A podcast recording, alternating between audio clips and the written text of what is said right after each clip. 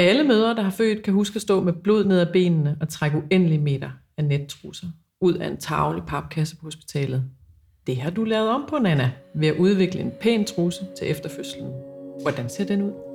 Jamen, den er sort, og så er den øh, lidt mere finmasket end den, vi kender på hospitalet. Øh, så er den helt sømløs, og så er den bare rigtig dejlig blød, og en, en efterfødselstid værdig. Ingen blonder? Ingen blonder, trods alt.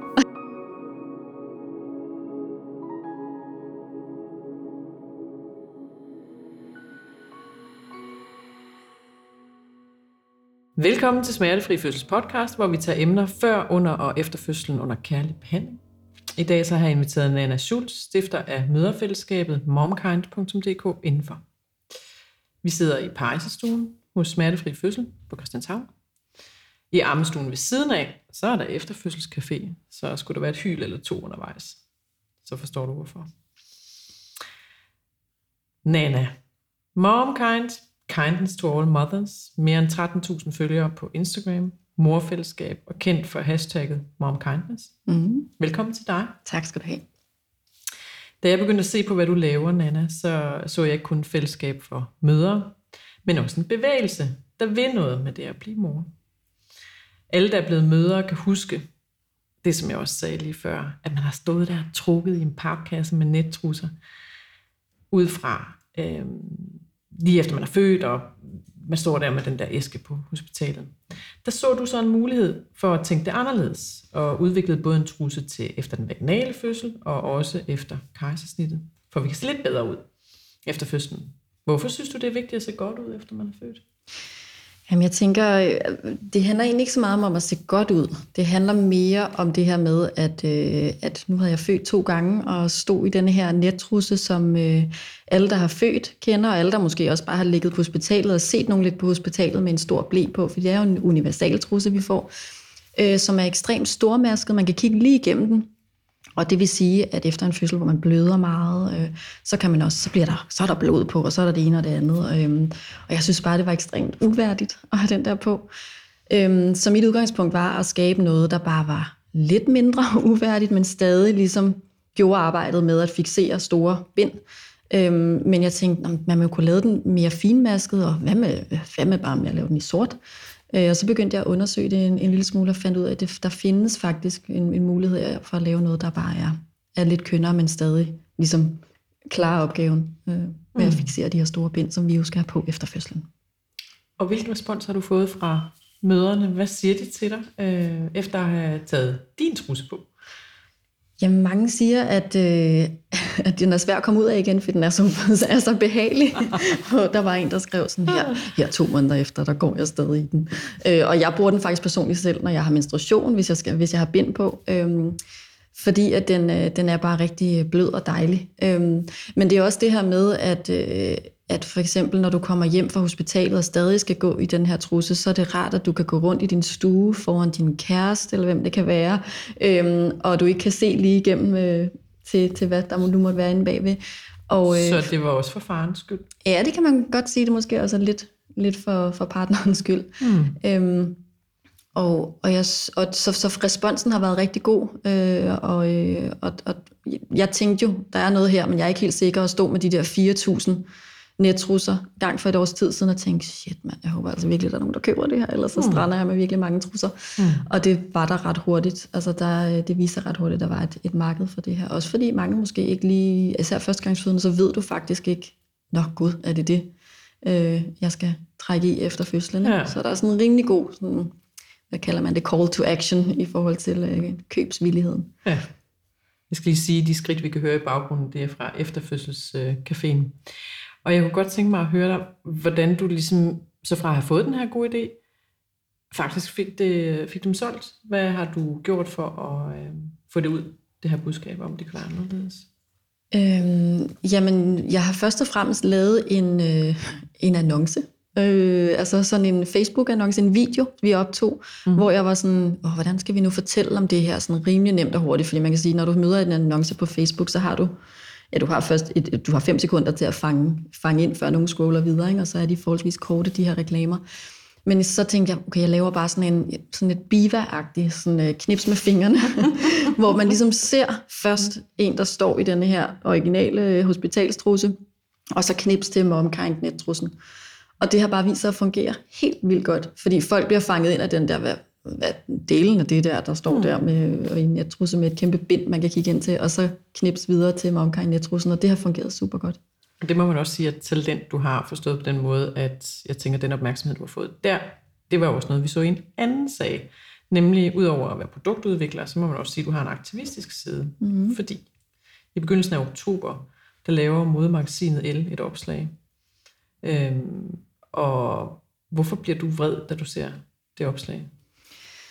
Altså først og fremmest, jeg blev gjort opmærksom på det, øh, fordi at kommentarsporet på det her opslag var stukket rimelig meget af. Øhm, det var et opslag, der, øh, der tog udgangspunkt i en artikel, de havde i deres magasin, som handlede om, at nu var øh, det at være mor øh, ny trend, og, øh, og babyerne var vores it accessories, øh, Øh, og hele den der lingo, sådan mode, fashion lingo, der var, der var kørt ind over moderskabet, havde øh, forarvet ret mange, øh, kunne jeg se, og jeg også selv, da jeg læste, var jeg også sådan lidt, hvad, hvor vil de hen med det?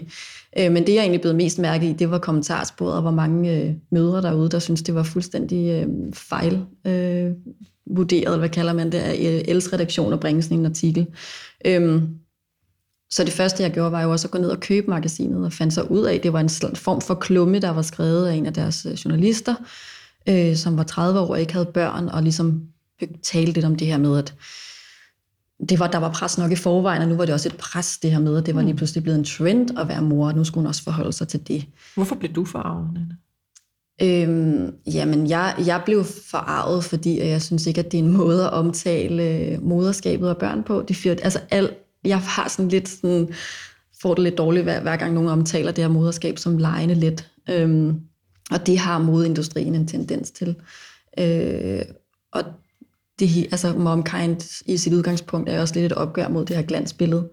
Øhm, og det var jo lige præcis glansbilledet, i hvert fald det her opslag og den øh, tekst, der var til opslaget talt ind i, øhm, som de jo senere rettede, og sidst mm. så slettede de det så. Ikke? Øhm. Og så får du ideen til et hashtag. Ja. Hvordan opstod den idé?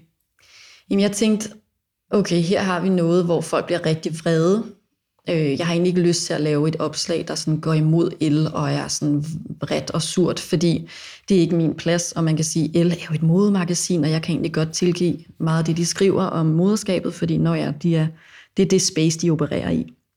Men øh, så jeg tænkte, jeg vil gerne ligesom starte en, en ny bølge af noget, hvor okay, lad os lige vise hinanden, og gravide eller nogen, der ikke er mødre endnu, øh, hvordan moderskabet egentlig ser ud, så vi ikke sidder med de her vrangforestillinger om, hvordan, hvad det er, der rammer os, når vi skyder den her unge ud. Øhm, og så, sagde, så skrev jeg ligesom ud og sagde, man, altså, lad, os, lad os lige vise, hvordan det rigtigt ser ud, og, og brug hashtagget momkindness. Og tænkte, jo, så sidder man jo der, når man starter sådan en hashtag, og tænker, får jeg to, der svarer tilbage, og så lader jeg det ligesom slide lidt, eller hvad sker der? Og det stak så helt af, og rigtig mange øh, havde behov for ligesom at, på en sjov måde også, altså der var rigtig meget... Øh, amning og mælk ud over det hele, og små børn, der havde skidt på, øh, på, ud over det hele, og det blev meget sådan øh, sekret fokuseret. Øhm, der var men, mange kropsvæsker. Der var mange kropsvæsker, ja, det var ja. der. men i det hele så var det bare super fedt at se, øh, hvordan øh, mødre i hele landet ligesom tappede ind i det her med, okay, øh, lad os vise, hvordan moderskabet rigtig ser ud. Altså konkret, hvad deler de, mm. de her mødre på det tidspunkt? I, i, på hashtagget der, jamen de deler øh, øh, råd, øh, hvordan det ser ud derhjemme. De deler som sagt øh, øh, kaosarme situationer meget... Øh, alt fra sådan helt øh, sjovt, apropos det med, ja, der var hun sked på mig, mens jeg ammede, og, og også til meget sådan dybfølte historier om øh, moderskabet, hvordan de har oplevet det. Jeg får også rigtig mange personlige beskeder, som, som jeg så også prøver at dele. Øh, altså, jeg, jeg har jo seriøst sådan helt ondt i håndledet den dag. Jeg har delt så mange historier til sidst, så kan man sige, så mit storyfeed er også fuldstændig fuld, og jeg kan ikke dele flere historier. Øhm, så det er alt fra det der meget letbenede sådan sjove, til også meget sådan dybfølte historier om svære fødsler og fødselsdepressioner og i hele taget svære efterfødselsforløb, og hvordan det egentlig at de er super trætte af det her med, at der er mange, der har travlt med at udstille moderskabet som noget lejende let. Mm. Øhm, Hvorfor var det befriende? Jeg tror, det var befriende øh, for mig. Altså jeg var jo glad for at se den reaktion og den resonans, det havde, og så tror jeg det her med, at det er jo også en meget stor del af det, jeg laver på de sociale medier, det er jo så at dele folks historier. Jeg kan jo sidde og sige, hvad jeg synes, og min personlige oplevelse, men det er jo en, en, en lille bitte fli af det, som alle andre oplever. Vi oplever jo sindssygt forskelligt. Vi føder. Vores fødselsoplevelser er forskellige. Vores oplevelser af gravid, og, og, og så også at blive mor. Så, så jeg tror det her med, at så jeg delte, delte det videre, og så var der en reaktion på, på alt det, jeg delte, at det var bare vildt positivt i forhold til, ej, hvor er det skønt at bare se, Hvad gjorde det Elle? rigtigt ser ud. El, øhm, jamen, i mellemtiden havde de jo taget opslaget ned, øh, primært fordi, at, øhm, at de her øh, bloggere, de havde lagt billeder ud af i det her øh, opslag, øh, ikke havde givet øh, samtykke til det. Så jeg tror, at det, der var hovedårsagen til, at de tog det ned, var, at, at de... Øh, at de her bloggere, de, de har ringet eller har fat i dem og sagt, det her, det vil jeg ikke lægge ansigt til, og det kan jeg også godt forstå, når de slet ikke er blevet spurgt. Øhm, så de var lidt taget som gisler i det. Øhm, så de vælger at tage opslaget ned, og så vælger de at poste sådan en form for øhm, undskyldning og forklaring, øh, og også sådan en, vi har gemt alle jeres kommentarer, fordi at folk var jo også, grunden til, at det var vækket opsigt, det her opslag, det var jo, at man ville gerne ind og læse alle de kommentarer, der var, mm. øh, som, som også var et opråb for kvinder, som ikke bare var det, der er dumt, men historier om, eller sådan meninger om, hvorfor det her det var for meget, som, øh, som jeg tror mange også var trætte af, at de ikke kunne læse længere. Ikke? Præcis. Øhm, så det vælger de, og ellers så, så siger de ikke så meget. Og præcis det leder mig videre til det, siddet og tænkt over. Hvad er momkind egentlig? Altså, hvad er det, du vil med det? Mm. Øhm, er det indkapslet i alt det, du har siddet og sagt her i virkeligheden, hvis du skal prøve at kigge på, hvad Ja. dit projekt er? Ja, altså jeg tror, at Momkind is, altså startede jo faktisk med en idé, jeg fik i min barsel omkring de her efterfødselsbokse, jeg gerne vil sælge. Det er jo, altså man kan sige, det er jo et kommersielt foretagende. Jeg vil gerne tjene penge på det her. Øh, jeg har en webshop, jeg sælger de her efterfødselstrusser, og jeg sidder og produktudvikler. Men jeg synes, det er ret vigtigt, og øh, altså, i det var jeg meget bevidst om fra starten, det her med at kunne skabe et community omkring det, og også at kunne, kunne lave det som en form for mm, co-creation, altså samskabelse med communityet, fordi som sagt, jamen jeg sagde tidligere, så jeg, jeg har min opfattelse af at føde og blive mor og være gravid og alt det der, men det er en lille bitte oplevelse blandt rigtig mange, så det er vigtigt for mig at inddrage andre i det her. Og, øhm, og så, så kan man sige, så startede jeg, inden jeg ligesom launchede en, en kommersiel øh, del af det, så startede jeg med at bygge det her community øhm, op, og kunne mærke, at altså, der var mit take på det jo, lad os, lad os rydde lidt med glansbilleder og tale om, hvordan det rigtigt er, fordi det var det, jeg havde rigtig svært ved, da jeg blev mor første gang. Jeg, det var det, jeg havde set på sociale medier, det var det, jeg så, og det, det gjorde det sværere for mig øhm, at være i. Så, øhm, og der kunne jeg mærke ret hurtigt, at det, det resonerede helt vildt, at, at der var et behov for det her med, at lad os tale lidt mere om, hvordan det rigtigt er. Også bare lad os, en ting er de der med, med billeder af, hvordan vi visuelt fremstiller moderskabet, men det er også det der med en snak om, hvad der kan følge med af både følelser og fysiske skavanker, at man siger, at der er rigtig mange, der får hemorrider, der er rigtig mange, der får nedsunket underliv. Hvad er det der rectus diastase? Og, altså alle de der ting, som, som først ligesom går op for rigtig mange, når de sidder i det. Hvorfor er det ikke, vi får en dialog gang, i gang omkring det inden, øhm, og hjælper hinanden lidt? Altså det er lidt det her med at få skuldrene lidt ned, fordi for mig er det bedste råd til en gravid, ligesom prøv, prøv ikke at have nogle forventninger. Det er rigtig svært ikke at have, men det er ligesom det der med at være åben over for, at alt kan ske. Øhm, og det tænker jeg også ligesom er- meget af, det, du praktiserer i din øh, fødselsforberedelse. Mm. Hvad blev svært inde i den proces for dig?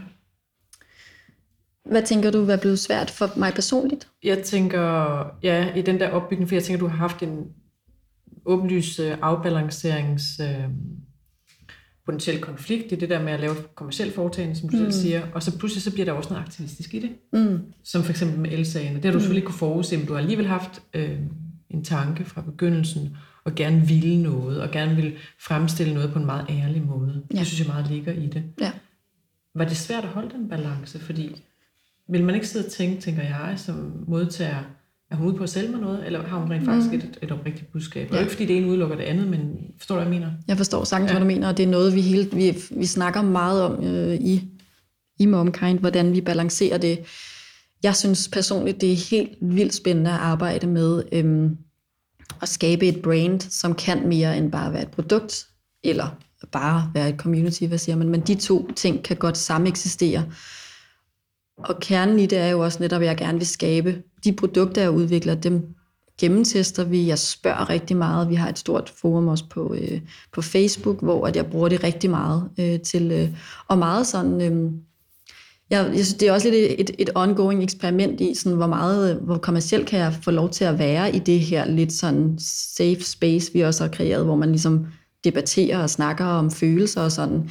Men det har faktisk vist sig at, være, øh, at virke ret naturligt, øhm, fordi at det er, det er jo mig, der sidder og, ligesom og vil vide noget om den her tid. Det er jo ikke fordi, jeg lige pludselig Nå, nu skal jeg lave en, øh, en sæbe. Hvad synes I, den skal dufte af? Eller, altså det er jo sådan ligesom, Nå, okay, jeg vil gerne se, er der noget omkring de her hemorrider? Skal vi lave noget til det? Og hvad, hvor mange af jer har haft hemorrider? Altså det, er jo, det er jo den snak, vi har med hinanden i, i communityet. Øhm, men du har ret, jeg synes det, jeg, især måske el-sagen, der, der, der spændede det sådan, jeg vil ikke sige, det spændede ud af kontrol, men der, det blev så stort, at jeg var sådan lidt, okay, nu skal jeg også selv lidt tage stilling til, hvad det er for en rolle, jeg gerne vil spille i det her, mm. fordi at jeg kan rigtig godt lide aktivisme-delen i det, jeg synes, den er stærk, men det er også en, en balancegang, jeg kan blive så politisk, at, at det er det, der tager fokus, fordi folk skal jo, at the end of the day vil jeg gerne sælge nogle produkter, og alle dem, der følger mig, skal også forstå, at jeg har noget, jeg gerne, jeg har et produkt, jeg gerne vil sælge dig. Hvad er det for nogle produkter, vi kommer til at se, der kommer fra din hånd? Har du noget i støbeskeen? Altså, hvad er det for nogle ja. produkter, du gerne vil udvikle? Udover at du siger det der med, når så sidder vi og kigger på hemorrider, kan vi gøre noget der? Ja. Eller ja. skal vi have noget bananskrald og rødvin på dåse, eller hvad skal vi gøre for? Du kender selv råden, ikke? ja. ja. øhm, jamen, man kan sige, nu har jeg jo, ja, der er efterfødslen, efterfødselstrussen, som jo har været ude i et års tid, og så har vi den her kejsersnit trusse også ude i, øh, i handlen, som er til som ikke går an erstatter efter fødselstrussen, men som efter et par uger eller en, en, en til to uger, så hopper over i den, når man er kejserinde. Øhm, så sidder vi lidt og udvikler på en, øh, en gravid trusse, eller en gravid shorts. Øhm, og så har vi også lige lanceret en skylleflaske, øhm, fordi jeg synes, jeg fødte jo mit første barn i USA, og der fik man generelt ret mange andre produkter, end man får herhjemme. Man kan sige, at det var til privat sundhedsvæsen, så de er jo heller ikke så, så nære med at dele og give en en pose med alt muligt, når man går, fordi det skriver de jo bare på ens regning. Øhm, skylleflaske? Der fik jeg en skylleflaske, som så ikke er den, jeg forhandler nu. Den, jeg forhandler nu, den er bedre. Men det var trods alt en skylleflaske, man sådan lidt nemmere kunne bruge, end det, man har herhjemme. Jeg hørte jo herhjemme, der, der er også nogle skylleflasker, nogle hospitaler udleverer, men der er også sådan en, om så kan du skære nogle huller i en, en, en colaflaske, eller tage et, et glas, et papkrus og hælde ned over dit underliv, og sådan, hvor jeg tænkte, ej, det var bare en redning for mig, især ved min første fødsel, da jeg kunne tage den der, fylde noget vand i, og, og ligesom skylle mit mm. underliv.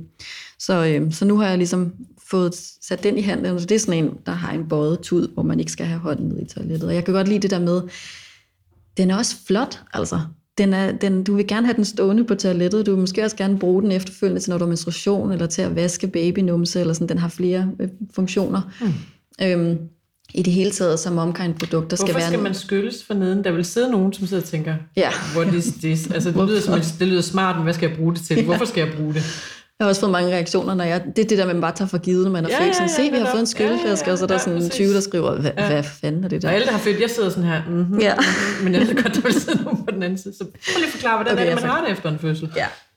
Man kan sige, hvis du har, hvis du har født vaginalt, eller været i gang med en vaginal fødsel, så er der jo, øh, så er der jo ligesom skubbet et barn ud af dit underliv, og det, det, det giver jo øh, det giver rifter, og det kan give bristninger, hvilket det ofte gør.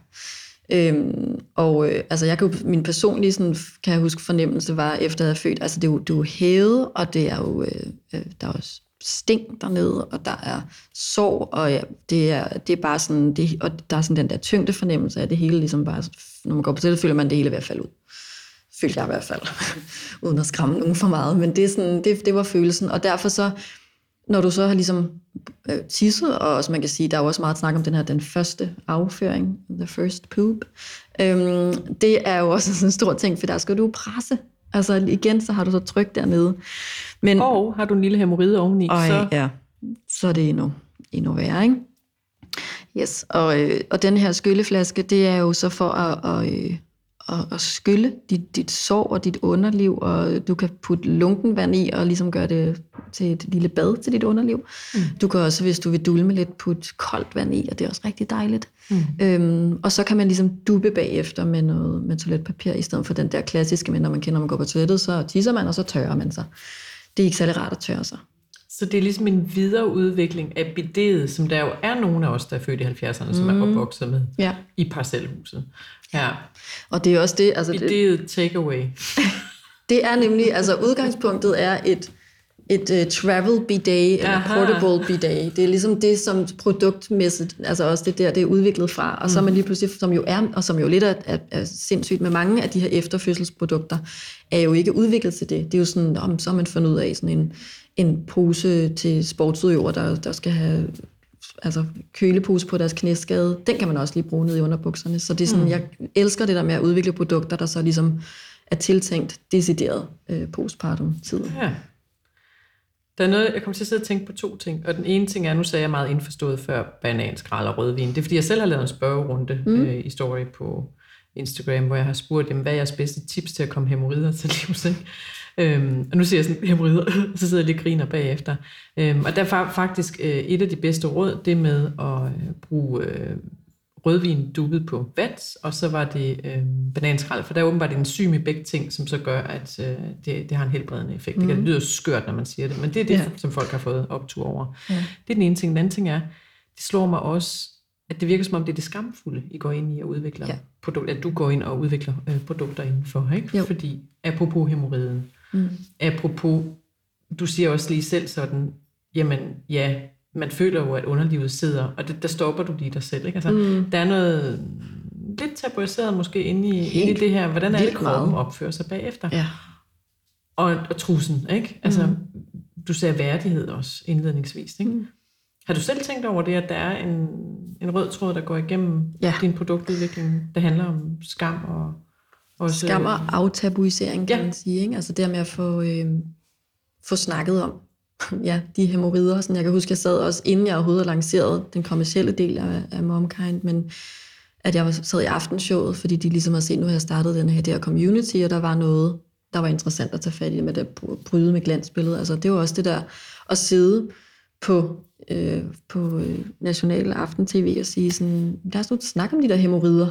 Og alle de, de andre gæster, der sidder om bordet, der sådan cringede lidt og var sådan, der var det Christian Stadil og Johan Olsen og sådan, ikke? hvor de, man kunne mærke, at de sådan, jeg kiggede ikke på dem, jeg kiggede ligesom på, øh, på studieverdenen, som jo også var sådan, hehe, altså sådan, hvor det sådan, øh, ja, det er bare øh, vildt grænseoverskridende og vildt øh, kæmpe, kæmpe tabu, og jeg kan godt forstå det, det er jo ikke sådan, at alle, der har lyst til at gå ud og fortælle om deres hemorrider, men der er bare også et super stærkt fællesskab i at lige pludselig åbne op for de her ting, hvor alle sidder og siger, ja, tak, fordi at du fortæller om, hvad fanden et nedsunken underliv er, eller hvordan man kan behandle hemorrider, eller bare det der med, at man ikke føler sig alene med sin efterfødsels- eller graviditetsskavanker.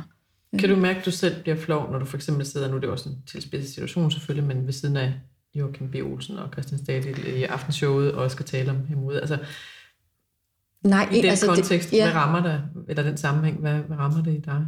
Altså jeg tror, jeg har... Øh, øhm, og det er jo også derfor, jeg, der ligger et stort mod i Momkind også. Øhm, det er også mange, der siger til mig, nej, hvor er du modig, og, sådan, og hvor jeg har det sådan, ja, det, jeg, jeg er nok modig, men, men man kan sige, hvis jeg er ærlig, så er det jo det reneste, jeg kan være. Eller sådan, altså jeg prøver ikke at være noget andet, end at bare være mig, og fortælle, hvad jeg, hvad jeg oplever og ser.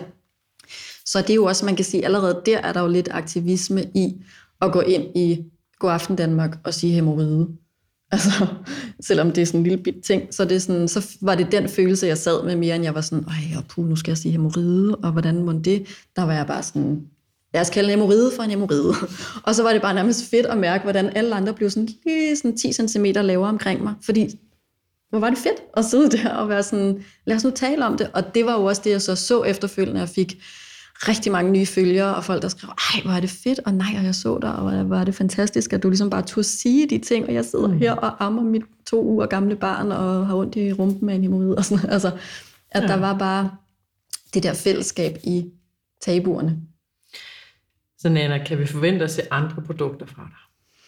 Ja, altså jeg vil gerne, jeg synes det er vildt spændende at produktudvikle, og øhm, hvad hedder det, jeg synes at øh, jeg, jeg fortsætter med det, øhm, og, øhm, og, jeg, og det er jo klart, at man kan sige, nu startede det med den her efterfødselstrusse, og jeg har så lavet kejsersnitstrussen, og nu tænker vi lidt i en gravitetstrusse, fordi det ligger jo selvfølgelig lige til højre benet. Øhm, men jeg, jeg vil, igen, det skal handle om tabuerne, og, øh, og jeg vil ikke lige pludselig lave et eller andet, der slet ikke, altså bare fordi jeg tænker, åh, det, det sælger helt vildt godt at lave en eller anden ja, sæbe, eller sådan. Altså det skal give mening, og det synes jeg er ret vigtigt for mig, hver gang jeg ligesom starter en produktudviklingsproces, så skal der være, når, hvad er det for et tabu, vi vil bryde her, eller hvad er det, øhm, hvad er det, vi gerne, hvad er det for et narrativ, hvad er det for en, en, en historie, der ligger omkring det her produkt. Jeg synes jo, det var vildt stærkt, da vi lancerede kejsersnittrusene op til, hvor sindssygt mange historier, der kommer mm. omkring det. Og stadig til stadighed, når vi berører emnet bare en lille smule, så vælter det ud. Mm. Øh, og, øhm, og det, det synes jeg er fantastisk at kunne lave et produkt, der ligesom åbner op for den dialog. Og det mm. bliver jeg ved med at tænke i i forhold til produkter. Vi laver også en, øh, en køle-varmepose nu til underlivet. Øhm, en, der både kan blive kold og varm, mm. øhm, så man kan bruge til at dulme igen. Det her med, at man er øm dernede. Man kan varme den op og bruge den til brystbetændelse efterfølgende. Øhm, sådan en, som er lavet til efterfølgelsestiden, hvor man ikke kan gå rundt med den der kæmpe store, øh, eller hvad hedder det, kølevarmepose, som man nærmest ikke kan have, have i sine underbukser. Eller øh, jeg lavede dem jo også selv, de der ispind. Jeg synes det var noget rod, for så smeltede det, og så var der snask ud over det hele og sådan. Mm. Ikke? Så det er det der med at løse de der problematikker, men samtidig også ligesom fortælle, hvor, hvorfor skal man, som du også siger, hvorfor skal man egentlig bruge den der skylleflaske? Nå ja, og så kan man, i det ligger der også til gravide og især førstegangsfødende en forberedelse på, sådan, hvad det er, der rammer en. Uden at man skal sige, prøv at høre, det hele er bare crazy, og du sprækker fra Herodes til Blasus og bla bla bla, og fortælle de der skræmmehistorier, men bare sige, her er et produkt, det har vi til dig, fordi der kan ske de her ting. Præcis. Og jeg tænker, øh, det er jo, der har du vidderlig ramt en, en balance i det mellem det kommercielle og så det, som du rent faktisk øh, lytter til ja. fra kvinderne. Hvad er det, udover din egen oplevelse, hvad er det også, de kommer og siger? Ja.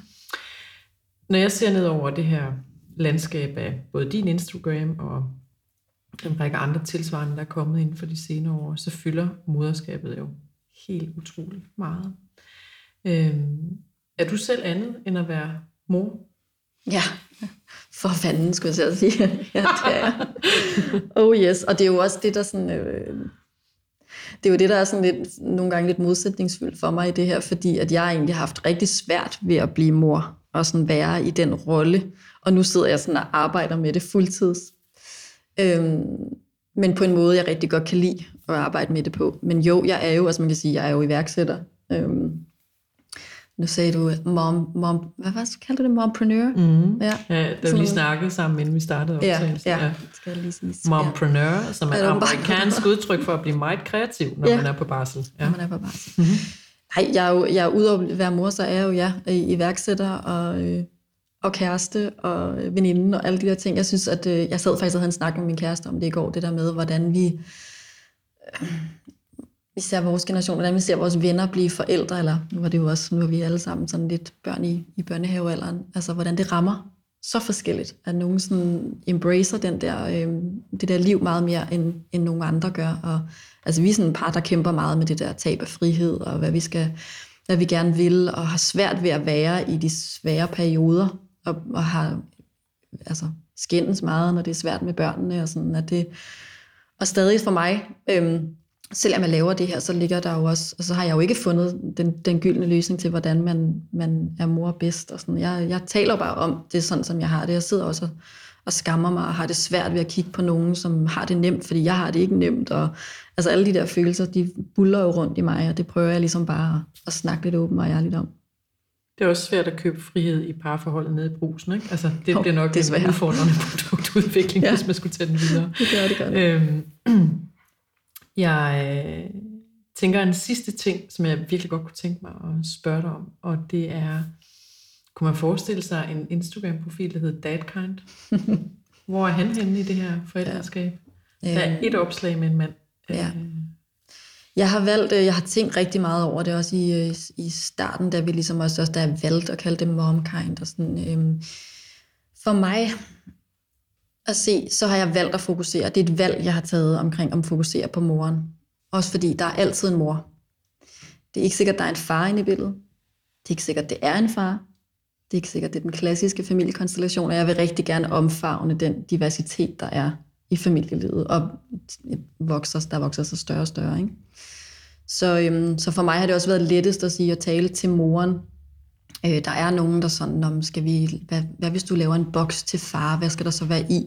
Og det har egentlig været en interessant proces, ligesom at gå ind i den, og hvordan det er blevet sådan noget, skal der være en øl og en cigar? Altså, åh, det var, nej, altså det bliver så, det, det, er jo sådan, det er jo til mor. Altså det er jo, det er jo, det er jo, det er jo moren, der har født og oplever det fysiske, også det psykiske, men når det så er sagt, så vil jeg hellere, så kunne jeg godt se et produkt eller en eller anden form for take på parforholdet, hvordan det parforhold eller den konstellation så ser ud. Øhm, men jeg tror ikke lige forløbet, eller måske nogensinde, at jeg kommer til at lave noget decideret til far. Men at det, øhm, men at jeg igennem momkind også den bare hjælper parerne, eller hjælper den anden part i, i en relation. Mm. Og det synes jeg også er et vigtigt budskab her afslutningsvis, hvorfor jeg også kunne have klippet tungen af mig selv, da jeg tidligere sagde, hvad med faren? Er truslen også udviklet til faren? Og der skiftede du så flot over og sagde, ja, partneren kan jo også få glæde af, at man går rundt om. Mm-hmm. Mm-hmm. Tusind tak, fordi du vil komme i dag, Nana. Tak fordi jeg måtte, Anja. Og du har lyttet til Smertefri Fødsels podcast. Vi sendte fra vores lokaler på Christianshavn. I dag med Nana Schulz fra momkind.dk. Vært var Anja Bang, og tilrettelægger Johanne Myggen. Lyt med i december, hvor vi har møder i studiet, der fortæller om deres forslag.